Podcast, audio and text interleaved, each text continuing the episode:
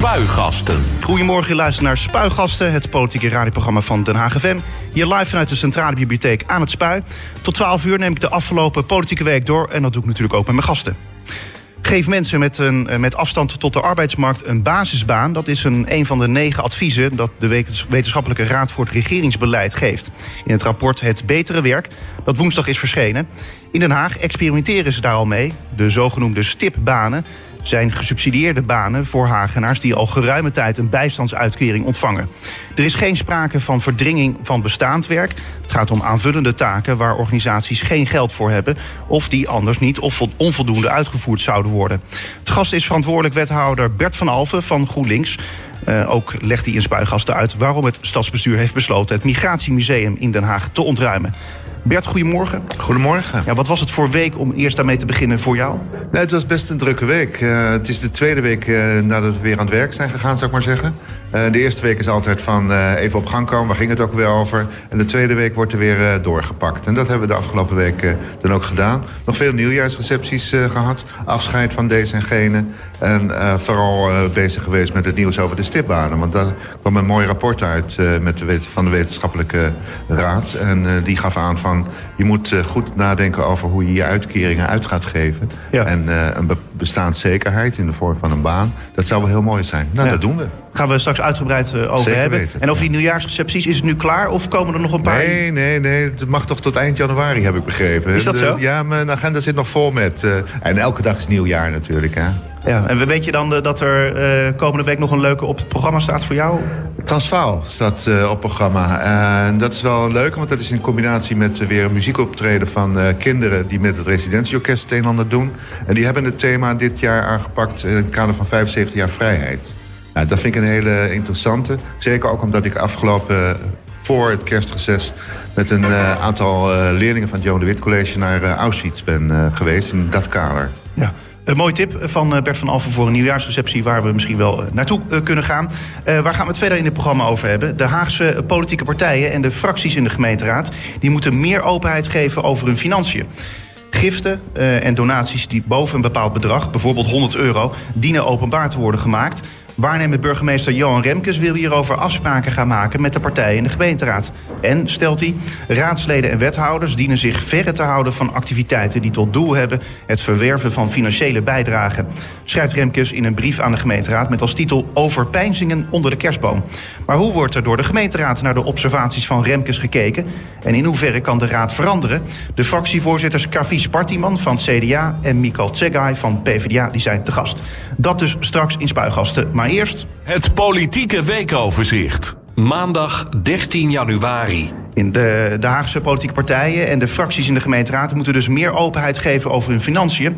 Giften en donaties boven een bepaald bedrag, bijvoorbeeld 100 euro, dienen openbaar te worden gemaakt. Waarnemend burgemeester Johan Remkes wil hierover afspraken gaan maken met de partijen in de gemeenteraad. En stelt hij dus, raadsleden en wethouders dienen zich verre te houden van activiteiten die tot doel hebben het verwerven van financiële bijdragen. Bert van Alphen, brief gelezen van Johan Remkes? Uiteraard. En? Ja, terecht. Ik denk dat het goed is dat hij daar de nadruk op, uh, op vestigt. Uh, we hebben een tijdje geleden uh, flink wat gedoe gehad rond dit geheel. En hij is uh, ook door de commissaris van de Koning gevraagd... om er extra aandacht aan te besteden. En dat doet hij op een goede manier, denk ik. Uh, het gaat om de integriteit hè, van je stadsbestuur... van je volksvertegenwoordiging. En uh, dat moet eigenlijk helemaal vlekkeloos zijn. betekent dit dat Johan Remkes dit echt thuis onder zijn kerstboom... bij wijze spreken heeft geschreven? Of heeft hij het college ook dit voorgelegd en laten zien van... nou, dit... dit uh, dit zijn mijn ideeën. Wat zijn jullie ideeën erover? Nee, hij heeft wel aangegeven dat hij onder de kerstboom een aantal dingen uh, over, ging overdenken. Dat heeft hij ook uh, gedaan. Maar wij waren net zo, nou ja, overvallen niet. Maar we hadden wel verwachting dat er iets zou komen. We hebben het niet uitgebreid in het college over gehad. Wat is nu het eerste waarvan jij denkt uit die brief... dat moet nu worden doorgevoerd door die Haagse gemeenteraad? Nou, ervoor zorgen dat die transparantie er inderdaad is. Er gaan veel geruchten, veel verhalen in de stad over financiering van uh, deze en gene, uh, uh, cliëntelisme, dat soort zaken meer. En dat moet je met elkaar goed gaan, gaan bespreken. Want dat is de dood in de pot. Daar lopen we nu tegenaan. Door alles wat de afgelopen jaren gebeurd is, is het vertrouwen van de Haagse bevolking in het gemeentebestuur, en ongeacht welke richting ook, is tot een minimum gedaald. Dat is echt wat je merkt als je de stad inkomt. zakkenvullers, nou, dat waren altijd al begrippen die we hadden. Dat zit een beetje in het vocabulaire. Maar ook wel van waarom zou ik dingen aan jou vragen, want jij hebt hele andere belangen. Dat soort zaken. En daar moeten we hard op, op ingaan om ervoor te zorgen dat dat vertrouwen weer terug is. En, en ervoor zorgen, de, omgangsvormen, want daar gaat het bijvoorbeeld in die brief ook over. Uh, ja, wat merk jij daar zelf van? De omgangsvormen tussen raadsleden onderling of misschien bestuurders en raadsleden? je zit wel eens met kromme tenen in, uh, in de raadzaal. Wij zitten dan gelukkig in een gelukkige omstandigheid dat we daar niets over mogen zeggen. Maar dat willen we wel. Dat zouden we wel graag willen. Nee, het is gênant. Het is gewoon gênant. Mensen die mee zitten te kijken, het zijn er misschien niet zoveel... maar dat toch iedereen die daarbij komt, uh, die, die zegt van... ja, hoe gaan jullie nu met elkaar om? Hè? Je bent volksvertegenwoordiger, je hebt respect voor elkaar te tonen. En dit is democratie. Je hebt met elkaar op een goede manier om te gaan. Dat vereis je in het onderwijs van kinderen, van alle Haagse burgers. Moet je het zelf ook doen. Dinsdag 14 januari. De luchtvaart in Nederland die mag alleen groeien als de sector de uitstoot van stikstof weet te beperken. Dat zegt de stikstofcommissie Remkes, daar is hij weer, in een advies aan het eh, kabinet over de luchtvaart. Remkes vindt het niet meer dan eerlijk dat de luchtvaart, net als andere sectoren, een evenwichtige bijdrage levert aan vermindering van de uitstoot. Als dat niet gebeurt, dan mag Schiphol niet meer groeien. En ook Lelystad Airport mag alleen open voor vakantievluchten als de uitstoot van stikstof daalt. Ja. Dat moet je als GroenLinks toch aanspreken? Uiteraard. Maar het is heel goed dat ook uh, Remkes, toch niet van onverdachte hoek... Uh, het VVD, Corrivé, uh, die dit uitstraalt en uitlaat... Dat laat zien dat het serieus iets, dat er iets aan de hand is... en dat het echt belangrijk is om die dingen te doen die nodig zijn om te doen. En dat kost af en toe pijn, en, maar het moet wel, het kan niet anders. Maar dat wisten we toch al? Wij, wisten, wij wel, ja. En nu zei je ook... Dus, dus uh, jij, jij, zegt meer van het idee uh, is nu dat ook onder de VVD'ers... Uh, ja, dat zij een soort van het licht gaan zien. Nee, ik denk dat er inderdaad goed gekeken is van... hoe moeten we die toekomst nu echt daadwerkelijk gaan, gaan invullen. En we hebben nu een aantal mogelijkheden. Alle signalen wijzen erop. Kijk naar Australië, kijk naar, naar landen in Zuid-Amerika... die ongelooflijk last hebben van verandering in het klimaat. Dat komt ergens vandaan. Ook dat is denk ik nu bij de VVD doorgedrongen. Nou, nou het Forum nog. Ja, en wat, wat, wat wel zo is, is dat uh, onder andere mensen van Forum, maar ook van de VVD zeggen... ja, uh, prima als je bijvoorbeeld ja, die, die, die, die vluchten probeert te verminderen... maar je moet wel een, een redelijk alternatief bieden. En dat alternatief, dat is er eigenlijk nog niet echt. Nou, nog niet voldoende, dat klopt. Ik denk dat de trein, om maar zo even te zeggen... Die moeten bieden. Uh, uh, inderdaad uh, veel meer ontwikkeld zou moeten worden. En we zouden ook moeten gaan kijken van... moeten we altijd wel zo ver weg? Ook voor onszelf. Ik heb het over met schoolreisjes wel eens gehad... in het kader van de bijdrage die we dan leveren. Moeten we allemaal naar Rome toe? We kunnen ook naar Zwolle, om maar zo even te zeggen. Er zijn keuzes die je kunt maken als groep, als land, als, als Europa. En dat moeten we doen. Woensdag 15 januari. Het veelbesproken Migratiemuseum blijkt een jaar geen huur te hebben betaald aan de gemeente Den Haag voor het gebruik van het pand aan het Hoge Zand in het centrum van de stad. Ondanks herhaald aandringen werd de rekening niet voldaan. En daarom is het huurcontract al in augustus vorig jaar door de rechter ontbonden. Toch weigert het museum het pand te verlaten. Voor de gemeente is de maat nu vol. Nog deze maand wordt een deurwaarder ingezet om het gebouw te ontruimen. Um, ja, Bert van Alphen, was het nou zo dat, dat deze week echt besloten is van het Migratiemuseum moet weg? Nee, het is niet zo dat uh, het Migratiemuseum of het bestuur, de activiteiten die hier plaatsvonden, niet weg wilden. Uh, zij hadden nog geloof in uh, een soort van doorstart. Het, uh, de Raad van Toezicht was inderdaad overtuigd van... die financiën, dat, dat gaat ons niet meer lukken zoals dat is. Door wat voor oorzaak dan ook. maar ze wilden nog wel doorpraten over om te kijken van... kunnen we er nog iets mee? Kunnen we een bepaalde activiteiten ontwikkelen... die die schuld zou kunnen terugbetalen? die bereidheid was altijd aanwezig. Alleen ze hebben daartoe een plan ingediend en uh, daar heb ik van gezegd van ja, dat leunt nog te veel op de subsidiemogelijkheden van, van, uh, van de gemeente. En dat is niet levensvatbaar. Dus ik heb ze gevraagd van uh, kijk nog eens met andere partijen of je niet een andere invulling kunt geven aan nou ja, de, het idee migratiemuseum in, in de stad. En ik ben bereid om daar met een aantal over te praten. Ja. Um, we hebben niet, we hebben afgelopen jaar uh, eerst uh, mijn voorganger uh, Rashid Kenoui heeft met ze gesproken. En we zijn constant in gesprek met ze geweest... om ervoor te zorgen dat het niet zo'n disaster wordt zoals het nu eigenlijk is. En we, hebben niet, we zijn heel coulant geweest in het geheel. Maar op een gegeven moment houdt het op. Ja, maar even voor mijn begrip... Het is nu zo dat het Migratiemuseum dus eigenlijk de deuren moet sluiten. Er, is ja, eigenlijk geen andere mogelijkheid meer. Omdat de gemeente nu al zegt van nou, jullie moeten dat pand gaan verlaten. De huur was inderdaad afgelopen jaar is, uh, is niet betaald. Ondanks herhaald aandringen.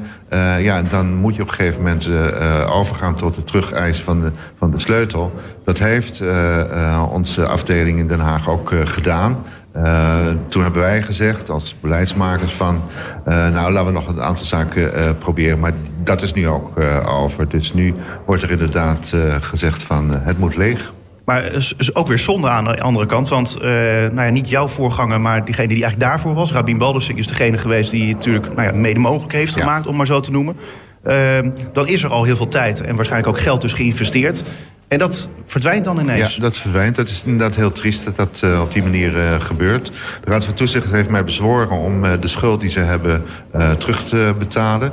Ik, ik, hoop dat ze daartoe in staat worden gesteld. Um, maar we zijn dat geld kwijt, ja. Maar je, je zegt dus van ze gaan mogelijk dat geld betalen. Maar ja, als ze dat geld niet hebben, dan kunnen ze dat niet terugbetalen aan de gemeente. Exact. Dus, en dan? Nou, dan zal er waarschijnlijk een faillissement worden aangevraagd. Ja, en dan is het geld van de gemeente echt weg. Ja. Ja. Uh, ja, hoe nu uh, verder in deze zaak? Nou, ik, wat ik net zei, ik uh, uh, ga met ze in gesprek. niet, met, niet alleen met de Raad van Toezicht. Maar er is een aantal mensen wat ideeën heeft om, zeg maar, Concordia, zoals dat nu weer heet, verder te gaan onderzoeken om te kijken wat voor activiteiten daar zouden kunnen komen. Dus met name vanuit de migrantenhoek is daar heel stevige belangstelling voor. En ik wil verder praten over het idee achter het Migratiemuseum. Want het is niet zo dat uh, het idee een hele slechte is. Maar op welke manier gaan we dat nou vorm en inhoud uh, geven? En daar gaan we hard aan werken de komende periode. Dus betekent eigenlijk niet helemaal het einde van het Migratiemuseum? De idee van het Migratiemuseum is niet verdwenen. Donderdag 16 januari. Als eerste van de aandeelhouders heeft Den Haag officieel besloten de aandelen die de stad heeft in het energiebedrijf Eneco te verkopen aan een Japans consortium. Den Haag krijgt hiervoor 675 miljoen euro. Ja, is het geld al bijgeschreven? Nee, hè, Bert van Alphen? Nee, dat moet, er moeten andere gemeentes ook nog een toestemming uh, voor geven... om het inderdaad daadwerkelijk door te voeren. Ik heb begrepen dat het in Delft op de besluitenlijst staat bij de Raad. Dus uh, wij vonden het toch wel belangrijk om daar extra aandacht aan te besteden. Want het is nogal wat wat we, en wat we binnenkrijgen, maar ook welk besluit uh, we nemen. Ja, mij staat bij Den Haag is volgens mij de tweede in de grootte qua aandeelhouders. Volgens mij is Rotterdam de grootste. Ja. Wat zegt het dan dat Den Haag als eerste dit heeft gedaan? Dat we er bovenop zitten. ja, of dat jullie dat geld heel graag willen incasseren. Ja, uiteraard ook. Maar je weet, we hebben afgesproken dat het geld niet structureel wordt ingezet. Dat het echt gekeken gaat worden naar de doelen die ertoe doen in dit uh, geval. Dus uh, we gaan het niet zomaar over de balk smijten. Maar we zetten het gericht in, in maatregelen die genomen moeten worden om het in Den Haag beter te maken. Maar we weten dat we ook nog een heel groot tekort moeten wegwerken. Dat doen we niet met dit geld. het geld gaat vooral naar, volgens mij, de wethouders Revis, Balster... En van Tongeren. Nou, het gaat naar de stad. Ja, uiteindelijk gaat het naar de stad, maar het gaat naar hun portefeuille. Ja. Dat zij kunnen gaan herverdelen. Maar gaat er nog wat geld naar jou? Nou ja, natuurlijk. Niet in de zin, nee, niet, niet, in mijn portefeuille direct. En ik heb nog Giro-rekening gekeken vanmorgen, maar er stond ook nog niks uh, bij geschreven. Uh, maar indirect natuurlijk wel. Kijk, als uh, um, ik op zoek ben naar woonruimte voor dak- en thuislozen... waar ik heel stevig naar aan het zoek ben, op zoek ben... en wethouder Balster en wethouder van Tongeren... maken een hele goede slag in de goedkope sociale huursector... dan ben ik daar ook mee, mee geholpen. Dus als je aan één knop draait, dan Heeft gaan het consequenties voor de anderen en gevolgen voor de anderen. Vrijdag 17 januari. 72% van de Nederlanders is ervan overtuigd dat het klimaat aan het veranderen is. Een iets kleiner deel, 67%, denkt dat de mens daar helemaal uh, of voor een deel verantwoordelijk voor is. Dat is de uitkomst van een enquête in opdracht van het ministerie van Economische Zaken. Uit die enquête blijkt ook dat 7% van de Nederlanders ontkent dat het klimaat verandert. En 21% weet het niet. Ja. Vind je ervan? Nou, het is wel een vooruitgang, hè? Ja, vooruitgang? Ja, ik denk het wel. Ik denk dat steeds meer mensen overtuigd zijn... van dat er ook daadwerkelijk iets aan de hand is met het klimaat. En uh, dat we daar uh, zeer zeker nog meer aandacht aan moeten besteden. We hadden het net al over uh, dan tot nu toe hebben gedaan. Ja. Uh, maar uh, hoe zorg je ervoor dat die 72% van de Nederlanders die ervan overtuigd is, ik bedoel, ja, ervan overtuigd zijn, dat, dat houdt nog niet in dat mensen ook daadwerkelijk iets gaan veranderen in hun eigen levensstijl. Nee, dat klopt, dat klopt. Maar dat is nu natuurlijk wel een start. En het is een andere start dan we een aantal jaar geleden, hè, bij de start van GroenLinks bijvoorbeeld, hebben geprobeerd aan te kaarten van, jongens, er is met milieu daadwerkelijk iets aan de hand. De bereidheid om erover door te praten is natuurlijk ook aanwezig. En dat wil niet zeggen dat we morgen alles oplossen, maar uh, 72% erkent dat er iets moet gebeuren, is al een hele grote stap in de goede richting. Zaterdag 18 januari. Onder aanhangers van alle politieke partijen, behalve Forum voor Democratie, is de steun voor een, een verbod op particulier vuurwerk afsteken toegenomen. Twee op de drie Nederlanders zijn voor een algemeen vuurwerkverbod. In november 2019 was nog maar 50% voor een dergelijke maatregel. Blijkt zaterdag uit een peiling die INO Research in de tweede week van januari deed. 85% van de Nederlanders vindt het niet langer verantwoord om op de huidige manier vuurwerk af te steken tijdens oud en nieuw. Ja, daarin ten grondslag ligt natuurlijk Bert van Alven uh, het gedoe. Uh, ja, allerlei uh, mensen hebben vuurwerk gegooid naar hulpverleners. Ja. Ja. Denk ook even aan het nieuws uit Duindorp. Ja, nee, ik denk dat, uh, nou ja, je weet, uh, GroenLinks is al een tijdje bezig om uh, vuurwerk sowieso ter discussie te stellen. Mijn, een van onze fractieleden, David Rietkerk, heeft Rietveld, ja. Ja, sorry, David. David Rietveld heeft al in 2006 samen met Arno Bontje uit Rotterdam uh, aangegeven... jongens, dit is niet de goede kant. Met name het milieu wordt uh, daar een invalshoek... maar ook uh, nou ja, het, het bestoken van, van hulpverleners hiermee. En dat is nu tot een grote groep doorgedrongen... dat dat inderdaad steeds meer aan de hand is. Mensen vinden het, zijn het zat. Jij zelf ook? Ja. Ja? Ja. Eh, je hebt er ook nooit lol in gehad om vuurwerk af te steken, zeker? Nee, dat kan ik echt met, uh, met hand op mijn hart uh, zeggen. Als jongetje vond ik het al verschrikkelijk. Uh, ja, ik, maar dat heeft waarschijnlijk met iets anders te maken... dat ik het niet leuk vond dan met vuurwerk op zich. Nee, ik vond het gewoon niet leuk. En maar, nog steeds niet. Maar snap je wel dat er mensen zijn die zeggen... van ja, het is een traditie om vuurwerk af te steken... Uh, ja, dat is voor ons belangrijk. Het is een van de weinige dingen die we nog mogen in dit land. Ja, nee, dat begrijp ik ook best. Hoor. Daar heb ik alle begrip voor. Uh, als ik naar mijn broertje kijk, die stond inderdaad te springen en te juichen... op het moment dat het uiteindelijk mocht. Uh, en ik heb dat nooit begrepen, maar ik kan me wel voorstellen... dat mensen dat ontzettend leuk vinden om te doen. Alleen, we zijn een beetje doorgedraafd. Uh, in, in deze richting. En uh, de grote, de knallen, de, je moet afgelopen uh, het nieuwjaar ook bij mij in de buurt... nou, daar stond je af en toe te trillen in de, in de kamer met je glaasje champagne... van de, de knal die naast je eruit ging. Dus we moeten het een beetje matigen. De traditie hoeven we niet af te schaffen. we met elkaar feest vieren, oud en nieuw, is prima. Als je kijkt in, in, in Parijs of in, in Rome gebeurt het ook op een bepaalde manier. En dat kan best. Ja, en vuurwerkshows ook prima. Bijvoorbeeld. En Chinees nieuwjaar volgend, volgende week. Ja, daar zaten wij van de week ook aan te denken. Oeh, hoe moeten we daar nou even mee omgaan? Ja. Ik, uh, uh, ik, ik moet, moet, daar nog even over nadenken. nou, in elk geval, volgende week is het zover. Dat gaat gewoon uh, door. dit was het weekoverzicht. Meer nieuws vind je op onze website denhagevm.nl. Spuigasten. Den Haag. Geef mensen met afstand tot de arbeidsmarkt een basisbaan. Dat is een van de negen adviezen dat de Wetenschappelijke Raad voor het Regeringsbeleid geeft in het rapport Het Betere Werk, dat woensdag is verschenen. In Den Haag experimenteren ze daar al mee. De zogenoemde stipbanen zijn gesubsidieerde banen voor Hagenaars die al geruime tijd een bijstandsuitkering ontvangen. Er is geen sprake van verdringing van bestaand werk. Het gaat om aanvullende taken waar organisaties geen geld voor hebben of die anders niet of onvoldoende uitgevoerd zouden worden. Te gast is, je al, verantwoordelijk wethouder Bert van Alfen. Uh, ja, Bert, dat moet toch een fijn gevoel zijn eigenlijk. Hè? Dat de WRR eigenlijk zegt van ja, wat ze in Den Haag doen... dat moet eigenlijk in het hele land worden doorgevoerd. Ja, mooi is dat, hè? Dat ik het hoor. Afgelopen maandag werd ik inderdaad gebeld door, uh, door de Volkskrant... met die mededeling. Wauw. Dat, uh, dat is overigens in, in het werking gesteld, dat mag wel even gezegd worden... door diezelfde wethouder die moeite heeft gedaan... om een migratiemuseum voor elkaar te krijgen... heeft ook die stipbanen gestart. Ja, dus al de credits mogen wel een beetje nemen. Uiteraard al die mensen die achter hem en achter mij hiermee aan het werk zijn gegaan... Maar hij heeft toen wel zijn kop uitgestoken ja. En jouw, voorganger, uh, jouw voorganger Rachid Gernawi is er ook weer mee verder gegaan, toch? Ja. ja. Dus eigenlijk zijn jullie wel met z'n uh, allen in die zin verantwoordelijk voor uh, die stipbanen. Ja. Uh, maar hoe werkt het? Want je zit dus in de bijstand. En hoe kom je dan aan zo'n stipbaan? Ja, nou, het eerste belangrijkste is, dat je inderdaad uh, en zelf aangeeft, maar ook uh, uh, dat er een gesprek met je gaat worden gevoerd van hoe, hoe gaat het nu eigenlijk. Waar het om draait is dat je mensen weer perspectief biedt, weer een mogelijkheid geeft om mee te doen in die, die Haagse samenleving. En werk is daarbij een hele belangrijke. Nou, als je langer dan 18 maanden op de bank hebt gezeten, om even heel vervelend te zeggen, dan ben je daar niet meer zo aan gewend. En je kan niet gelijk in de top van de show mee gaan draaien om weer mee te doen in die maatschappij. Dus je moet daar weer een beetje in begeleid worden. Nou, dat is wat we doen met die stipbanen. We zorgen ervoor dat er op een hele laagdrempelige manier... met al je beperkingen die je hebt, op wat voor manier dan ook... rekening wordt gehouden en gekeken gaat worden naar die werkgevers... die daartoe in staat zijn om je daarin te begeleiden... verder te brengen naar eigenlijk vast werk, regulier werk. Maar, dat is wat we doen. Maar, maar is het dan bijvoorbeeld uh, de gemeente die dit soort uh, banen... Nou ja, uh, faciliteert. Of in elk geval kun je dus bij de gemeente dan werken met zo'n stipbaan. Of zijn het ook bij echte bedrijven, om maar zo te noemen? Echte bedrijven. Wij zijn ook een echt bedrijf. Uh, nee, het is niet zo dat je bij de gemeente in dienst komt. In die zin, er worden afspraken gemaakt met sectoren. Hè. De zorg is daar een belangrijk uh, gegeven in. Maar ook het welzijnswerk uh, zit, daar, zit daar aan het onderwijs. In het kader van conciërges en dergelijke. Hebben we daar afspraken mee gemaakt.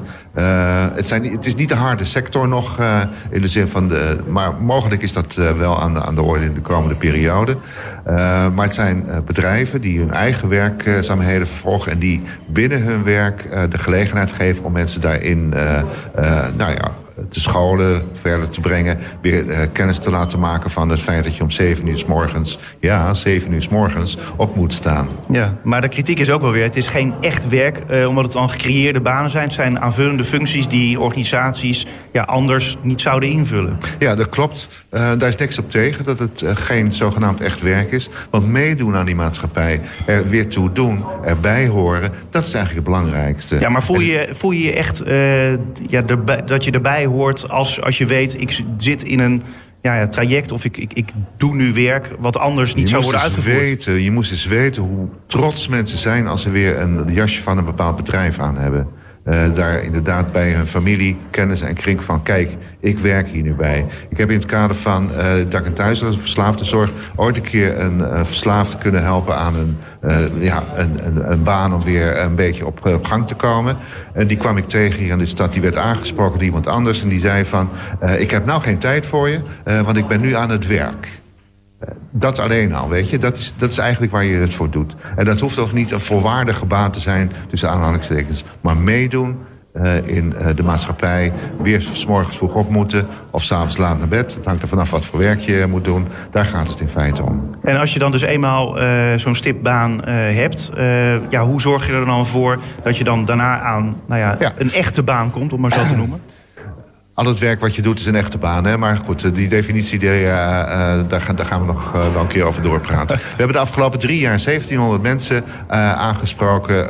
en de mogelijkheid geboden om via een stipbaan werken. Er zijn er over de 300 die inderdaad in de reguliere banen terecht zijn gekomen enzovoort. Een heleboel nog niet, maar daar zijn we dan wel mee bezig. Die zijn wel bezig met hun ontwikkeling. En dat duurt soms wat langer. Ik vind het een hele knappe prestatie van mensen die acht, langer dan 18 maanden uh, niet mee hebben gedaan aan... en zelfs, zelfs nog veel langer uh, dan toch weer uh, aan een echte baan in jouw bewoordingen te doen, meedoen. En dat ziet er goed uit. En bedrijven zijn er ook toe bereid. Ik heb vorige week een gesprek gehad met een zorginstelling. En die hadden inderdaad de ruimte geboden om mensen werkervaring te laten opdoen. In de, zeg maar, in de, in de, in de huiskamer. Een, een, een, kopje koffie schenken voor cliënten, mee te gaan naar, naar de markt, bij wijze van spreken, dat soort activiteiten. Het zat niet in hun takenpakket, kregen ze ook niet voor betaald. Maar hebben gezegd van weet je, die mensen doen weer mee. Die hebben nu besloten om daar een echte baan, naar jouw uh, uh, definitie, uh, van te maken. Dus die mensen hebben nu een vaste aanstelling gekregen die daarin doet. Dat is wat, wat, het, wat het doet. En hoe lang krijgen mensen dan de tijd? Als ze dan dus in zo'n stip-traject zitten, ehm, hoe lang krijgen ze dan de tijd? Want je zegt, ja, de een doet er wat langer over dan de ja. ander. We hebben een, een, een, periode uitgesproken over van, van drie jaar. Je hebt een, een, periode van drie jaar de tijd om daarin te groeien. Groeien. Het merendeel gaat eerder uh, op stap naar echte banen, volgens jouw definitie. En, en, dan, en dan komt uh, uiteindelijk dus weer een plek vrij voor iemand anders? Is dat de manier hoe het dan uh, werkt? We hadden afgesproken de afgelopen drie jaar om uh, daarmee te gaan stoppen. Maar we hebben met dit nieuwe college besloten om ermee door te gaan. Dus er is... kunnen weer nieuwe mensen aangemeld worden. Ja, en dat is mede te danken aan de Partij van de Arbeid die nu in het college zitten? En GroenLinks natuurlijk. Hè? Ja, precies. Um, Eigenlijk, uh, tot slot denk ik van dat gezien het feit dat de WRR nu uh, zegt van ja, die werkwijze van Den Haag, die, dat is een aanbeveling. Dat, dat zou eigenlijk de, de hele. De, de, ik, ik ben overigens al gebeld door mijn uh, collega uit Utrecht. Van, die komt woensdag praten van hoe heb je dat gedaan? Kijk eens aan. Ja. ja. maar, maar dat betekent dus dat de gemeente er eigenlijk dus in moet investeren. Nou ja, dat zeggen jullie dus ook. We gaan ermee verder. Maar het belangrijkste is, als je voorop loopt, dan moet je zorgen dat je voorop blijft lopen en dat je niet wordt ingehaald.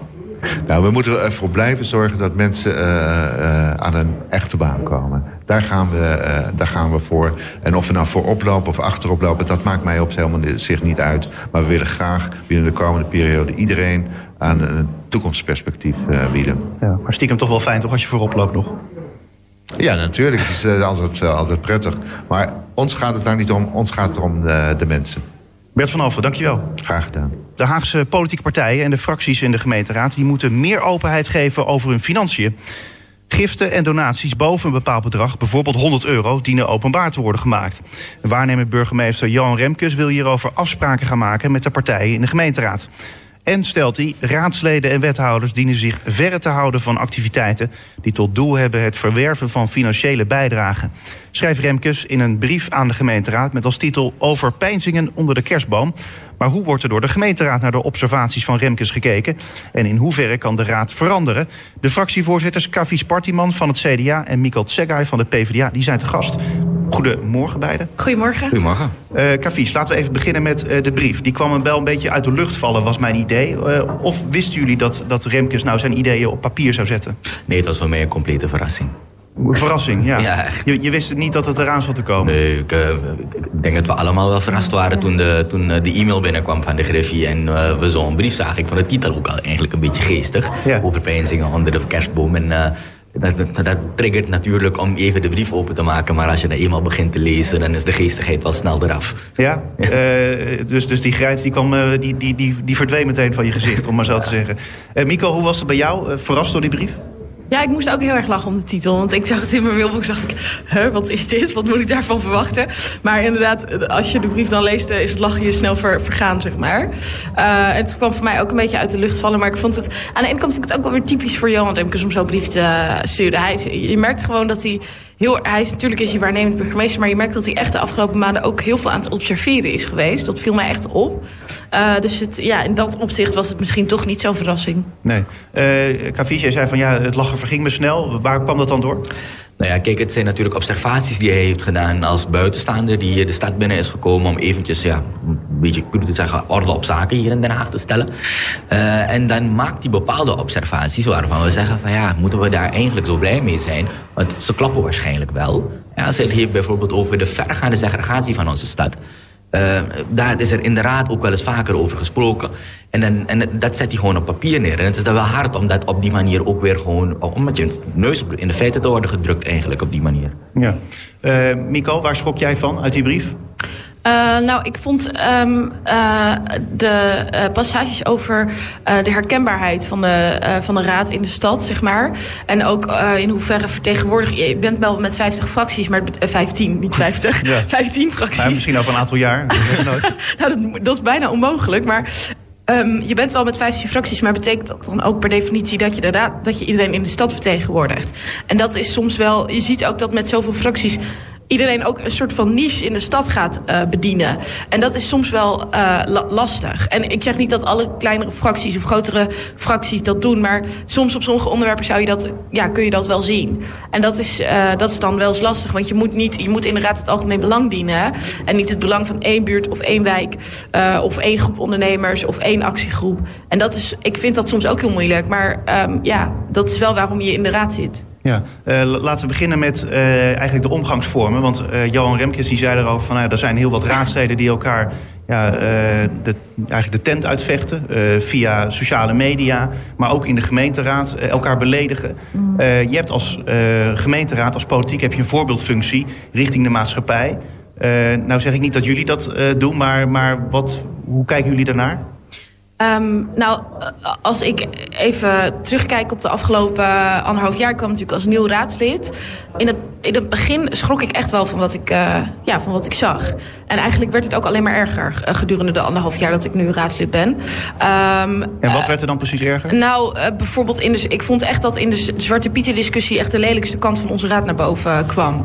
Want dat was echt dat mensen, sommige mensen op de, in de raadzaal...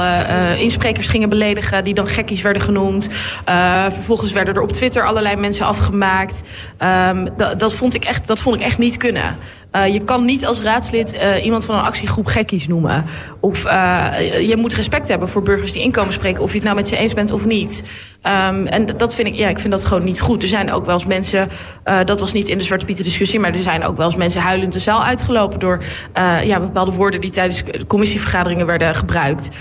en dat vind ik echt, dat vind ik zo erg. Want mensen verliezen daardoor zo erg het vertrouwen in de politiek. Ik schaam me op zo'n moment echt heel erg. Ja, je zou je ook kunnen zeggen van... Misschien moeten we maar niet over zulke beladen thema's uh, überhaupt nog discussiëren in de gemeenteraad? Want ja, gaat de gemeenteraad wel over Zwarte Piet, zou je kunnen afvragen?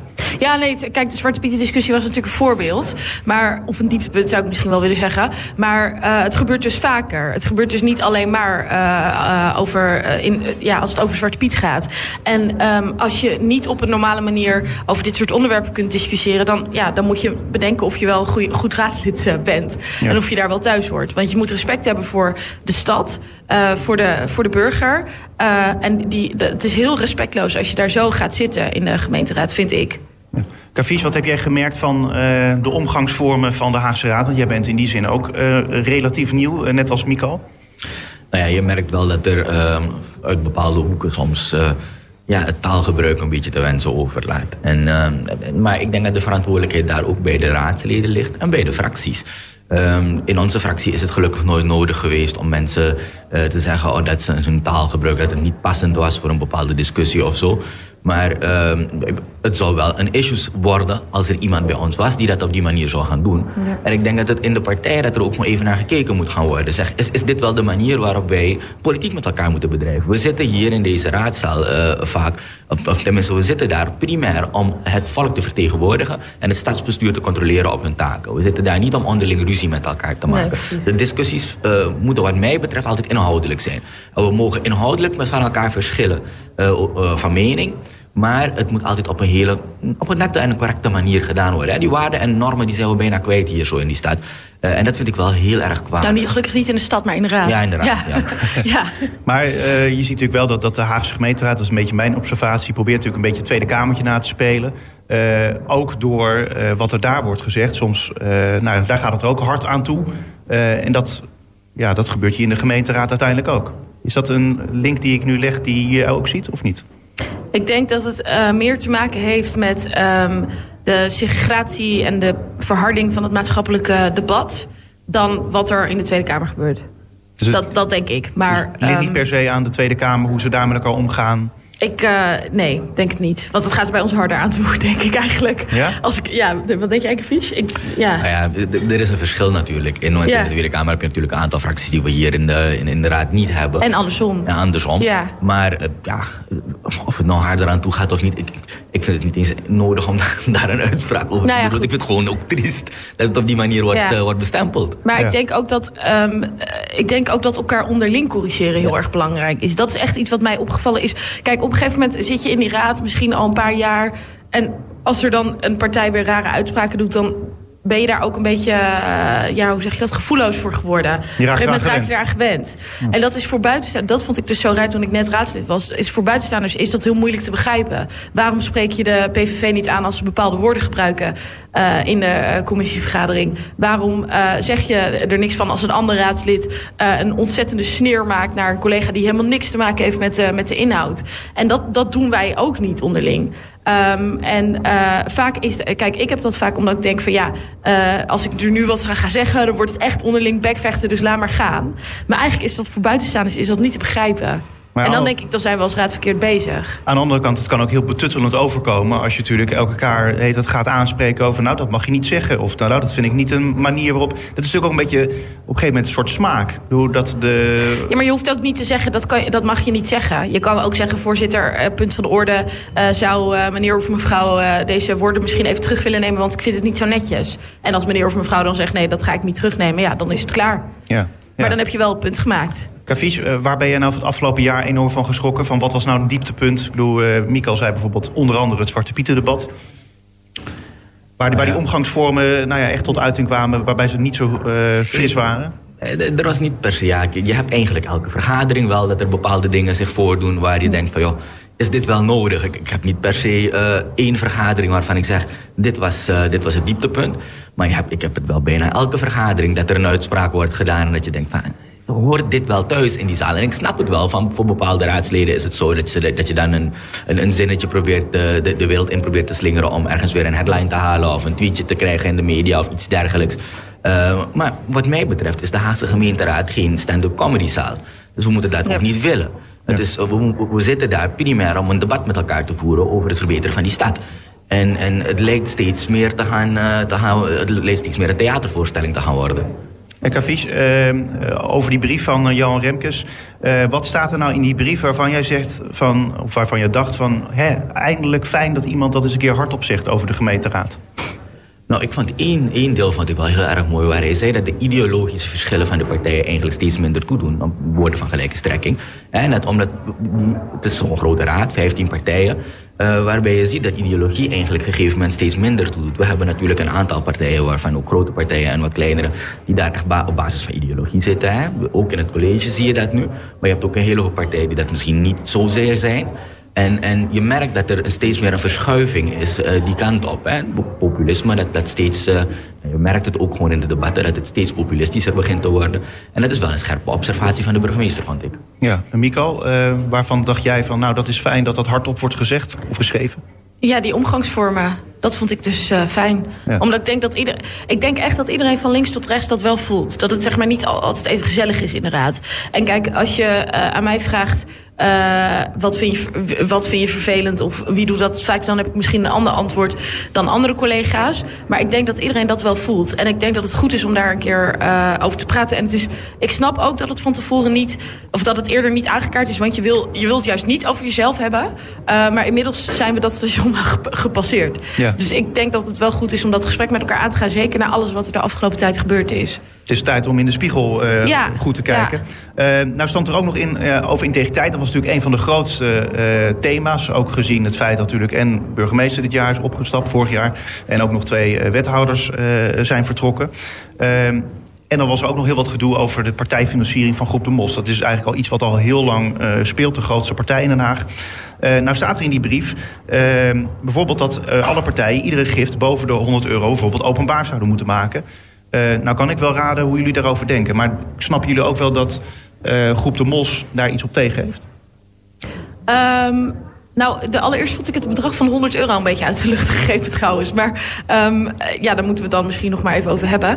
Maar, um, het is ook niet zo dat de wil van Remkes wet is, hè? Nee, het was natuurlijk een voorbeeld. Maar ik denk, ja, ik vind echt, als grootste partij van de stad moet je echt je verantwoordelijkheid nemen en gewoon je financiering opengooien. En uh, zeker als je, uh, als, je, ja, als je onderzocht wordt over corruptie, uh, het schenden van ambtsgeheimen, et cetera. Ja, ik zou dan openheid van elkaar te geven. Ja. Um, dus ik vind dat dat gewoon openbaar moet zijn. Maar het is ook, ook al was dat corruptieonderzoek er niet. Je moet gewoon als burger kunnen weten van hé, hey, Mikal, welke financiële belangen heeft zij in de stad? Kafish, welke financiële belangen heeft hij in de stad. Maar, en dat hoeft zijn, niet... zijn er serieus kiezers of stemmers die, die daar benieuwd naar zijn? Die dat, dat de afgelopen jaren hebben gevraagd aan integriteit, integriteit gaat soms ook om de schijn van belangenverstrengeling uh, tegen te gaan. Dus zonder dat je... Uh, zonder de, er hoeft niet per se altijd iets te gebeuren. Maar je moet ervoor zorgen dat je uh, zuiver en transparant bent. en dat het voor mensen duidelijk is waar mijn financiële belangen in de stad liggen. Nou moet ik zeggen, ik ben een millennial. Ik heb geen koophuis of iets. Maar ik heb niet zoveel financiële belangen Maar ehm, andere mensen misschien wel. Uh, of misschien willen mensen wel weten bij wat voor bedrijven uh, ik heb gewerkt of werk. En dat zijn allemaal dingen die belangrijk zijn om te weten. Uh, als je zeker wil weten dat iemand eerlijke keuzes maakt. Ja. Dan iets anders. Raadsleden en fractiemedewerkers die zouden ook hun nauwe betrokkenheid bij belangengroepen moeten heroverwegen. Niet langer moeten mensen dus en tegelijk in een actiecomité zitten en raadslid zijn. Kavies, hoe denk jij daarover? Nou ja, wat mij betreft, je, je mag in een actiecomité zitten. Maar zorg er dan wel voor dat je dan niet uh, de woordvoerder bent op het onderwerp in de raad. Hè? Want mensen zijn vrij erin, wat, wat, ons betreft, om in allerlei groepen en, en, en mee te participeren allerlei organisaties in de stad. Dat moet ook gewoon kunnen, want het is ook deel van ons werk, vind ik. Hoor. Het is heel belangrijk dat je actief bent in die stad. Want om je steeds verder van die stad af te trekken omdat je raadslid bent, hoe vertegenwoordig je dan ja. die stad? Je moet, je moet wel die stad kennen. Maar je kunt er ook met mensen praten in plaats van dat je meteen in een clubje hoeft te zitten. Nou, maar het is een makkelijkere manier van praten als je in een clubje zit. Want dan, dan ken je elkaar, je weet waar het over gaat. Je zit er met een primair onderwerp daar. Maar dan is het ook wel belangrijk. En dan heb je je fractie voor om te zeggen van... oké, okay, ik heb dit opgevangen in de stad. Jij bent woordvoerder daarop. Nou, dit is wat ik heb opgevangen. En kunnen we met elkaar daarover praten... zodat ja. dit de inbreng wordt van de partij. Dat kan gewoon op die manier. En, dat zou op en die ik denk dat als je het gaat verbieden... dat het gewoon in de praktijk heel moeilijk is. Want stel je voor dat, dat je iemand in jouw straat een actiecomité begint... en zegt van, uh, Kavies, Mikal, wil je erbij? En dan zeg je, nee, ik kan er niet bij, maar oké, okay, ik kom wel elke vergadering als toehoorder. Dat is bijna schimmiger dan dat je gewoon zegt... ik zit daarin, uh, maar ik onthoud me van stemming... als het gaat over de buurt... of ik ben niet de woordvoerder namens mijn partij in de buurt. Wat ik niet vind, inderdaad, daar ben ik het met je eens... is je moet niet in een actiecomité gaan zitten... en dan het woord voeren namens het actiecomité... en dan ook nog namens je partij. Want dan gaan die dingen te veel ja. uh, langs elkaar heen lopen. Maar het probleem is ook dat we nou ja, dus in de gemeenteraad van Den Haag... waar 45 zetels uh, zijn... Uh, en dan ook nog uh, 15 verschillende fracties. Ja, dan krijg je natuurlijk op een gegeven moment dat een eenmansfractie uh, bijvoorbeeld... Ja, die, die kan dan ineens het voort niet voeren omdat hij ook in een belangenorganisatie zit. Ja. ja. hoe ga je dan als partij het woord voeren nog? Dan moet je ervoor kiezen om uh, andere mensen van je partij in zo'n actiecomité uh, neer te zetten. Bijvoorbeeld fractievertegenwoordigers of gewoon partijleden of bestuursleden. Dus een beetje um, praktisch omgaan met... Ja, je uh, moet er praktisch mee omgaan. Dat denk ik echt. Ja. een betere toekomst begint natuurlijk altijd bij jezelf. wat gaan jullie nou zelf veranderen? Kavies? Ik, ik, denk niet dat wij behoefte hebben om iets te veranderen intern. Uh, partijfinanciering bij het CDA, ja, we zijn een landelijke partij, we voldoen gewoon aan die landelijke regels. Uh, omgangsnormen in de raad. Dat, waarden en normen zijn bij het CDA altijd heel erg belangrijk geweest. En die zullen dat ook altijd blijven. Ja. Uh, we proberen altijd ook gewoon op een correcte manier met onze collega's om te gaan. Om respectvol naar elkaar toe te zijn. Dat is wat, wat wij als Christen-Democraten altijd uitdragen. Dus ik heb niet echt veel behoefte om dingen te gaan veranderen intern. Nee, maar het is ook wel een beetje makkelijk dan om te zeggen... ja, er moet hartstikke veel veranderen, maar zelf hoef ik niets te doen. Klopt, nou je moet, gewoon, je moet wel natuurlijk in de spiegel kijken en zeggen van... joh, is er behoefte aan... Die brief, die brief hebben we gelezen van de burgemeester, hebben we ernaar gekeken. En als het ergens van toepassing zou zijn op het CDA... dan zouden we daar wel een discussie met elkaar over hebben intern. Maar vooralsnog heb ik niet echt iets gemerkt waarvan ik zeg... ik of een van mijn fractiegenoten... Uh, zou hier ergens de fout in zijn gegaan... en hier moeten we met elkaar... Nee, nee, nee dat, zeg ik ook, dat zeg ik ook niet. Maar uh, het probleem is wel, en dat is volgens mij de kern van het probleem... dat alle partijen zeggen, ja, er moet iets veranderen in de gemeenteraad. Of bijna alle partijen zeggen van er moet iets veranderen. Maar wij hoeven dat niet te doen. En dan verandert dus niks. Dat, dat is een observatie die jij maakt. Uh, uiteraard, we hebben zo net uitvoerig met elkaar gesproken over omgangsnormen in de raad en noem maar op. Maar ik heb mijzelf, nog mijn collega's, ooit erop betrapt dat zij een van dat soort uh, grenzen hebben overschreden. dus ik hoef ook mijn, mijn, mijn fractiegenoten niet erop aan te spreken of, of, of eraan te herinneren uh, dat zij dat niet moeten doen. Want nee, maar dat is bij onszelf vanzelfsprekend. Ja, maar je kunt natuurlijk wel collega's in de raad buiten je eigen partij... Uh, zeker als het gaat om omgangsvormen... die kun je natuurlijk wel aanspreken. Nee, klopt. En als er een raadsvergadering is waar er zoiets zich voordoet... en ik aan het woord ben, bij wijze van spreken... dus ben ik best wel bereid om dan even aan een, aan een collega te zeggen... van doe niet zo flauw, want het gaat helemaal ja, niet Ja, of speel het niet op de ja, persoon. Ik denk dat, dat, dat dat gewoon ja. belangrijk is. Dat, dat is iets waarvan jij zegt van dat kun jij zelf gaan veranderen. Ja, ja dat denk ik. Ik had ook afgelopen raadsvergadering weer zo'n moment dat ik dacht... Uh, ik werd op de persoon aangevallen door Sebastiaan Kruis van de PVV over dat ik, uh, ik weet niet eens meer waar het over ging, smarte geld zou gaan vragen voor de slavernij of zo. Uh, en dat, dat vind ik best wel een fikse uh, beschuldiging, ja. uitlating. Um, maar ja, je gaat dan ook niet zelf daarvoor in de pres, voor jezelf in de pres springen. En maar niemand anders zegt dan iets. En ik bedoel, neem dat mijn collega's in dat opzicht ook weer niet kwalijk. Maar ik vind het wel jammer. En dan denk ik van ja, we zouden elkaar dus vaker. Nu ging het dan toevallig over mij, maar de volgende keer gaat het weer over iemand anders. En we zouden elkaar vaker moeten, uh, ja, moeten aanspreken daarop. Want dan. Uh, vorm je, ga je uiteindelijk ga je meer een eenheid vormen daarin. En dan gaat iedereen vanzelf meedoen aan netjes met elkaar omgaan. Nou ja, misschien is het ook een beetje wensdenken. Want uiteindelijk kan, als er één iemand is die denkt van... nou ja, ik, ik kan lekker de boel uh, verstieren... die kan het gewoon blijven doen, ook al is de hele zaal tegen, toch? Ja, maar wat dat betreft is het een beetje als een schoolklas. Je, je houdt altijd pesters in de klas, denk ik. Maar je kunt wel je best doen om uh, met uh, anti-pestprogramma's en zo... om het uh, schoolpesten tegen te gaan. Um, dus misschien moeten we een soort gelijke aanpak voor de gemeenteraad kiezen. En dan nog even kijken naar bijvoorbeeld jullie gedrag niet zozeer van jullie tweeën, maar uh, van de gemeenteraad op Twitter, uh, op sociale media. Is het idee bijvoorbeeld een Twitterverbod tijdens raadsvergadering? Ik zie dat jullie bijvoorbeeld nu niet op jullie telefoon zitten, maar tijdens raadsvergadering gebeurt dat wel. Ja, nee, ik vind, ik vind een Twitterverbod vind ik echt geen goed idee. Nee? Omdat, nee, ik vind juist dat, het, uh, uh, dat je op Twitter heel makkelijk en heel toegankelijk de raadsvergadering kunt volgen. En dat dat juist leuk is, want je kunt gewoon uh, allemaal verschillende raadsleden volgen. En dan komen er allemaal verschillende meningen over de Haagse lokale politiek in je, um, uh, in je tijdlijn. Wat wel moet, is dat we dus met elkaar praten over hoe gaan we met elkaar om uh, op Twitter. Ga je mensen zo op de persoon aanspreken zoals de afgelopen tijd gebeurd is. Dat gesprek kun je met elkaar aangaan, maar een Twitterverbod gaat me een beetje te ver. Ja, maar toch zie je, Cavies, dat daar juist nou ja, de bejeging niet altijd heel hartelijk is tegenover elkaar.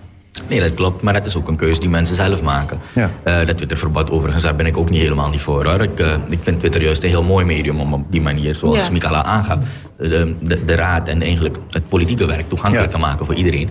Maar ja, je kiest er zelf voor hoe je reageert op Twitter.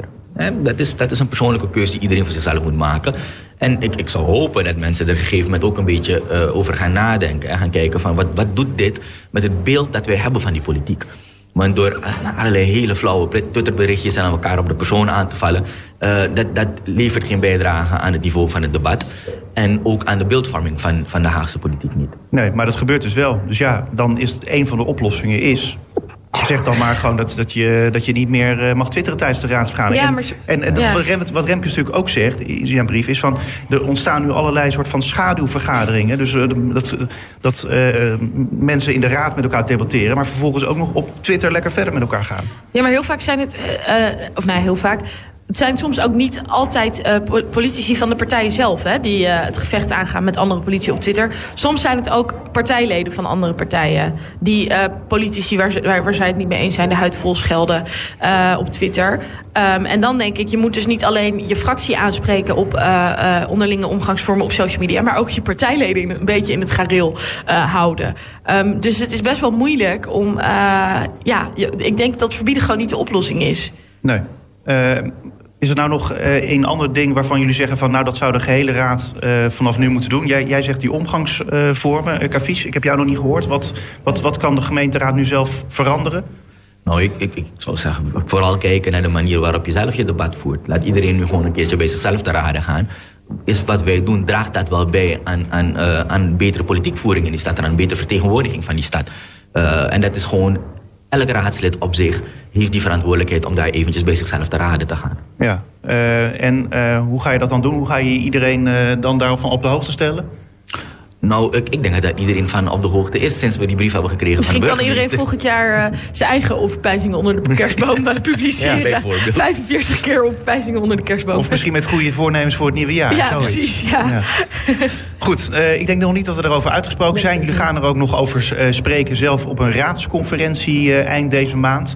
Uh, ik wens jullie veel succes erbij. Dankjewel. Dank je. Cavies Partiman van het CDA en Mikkel Tsegai van de Partij van de Arbeid. Dank jullie wel.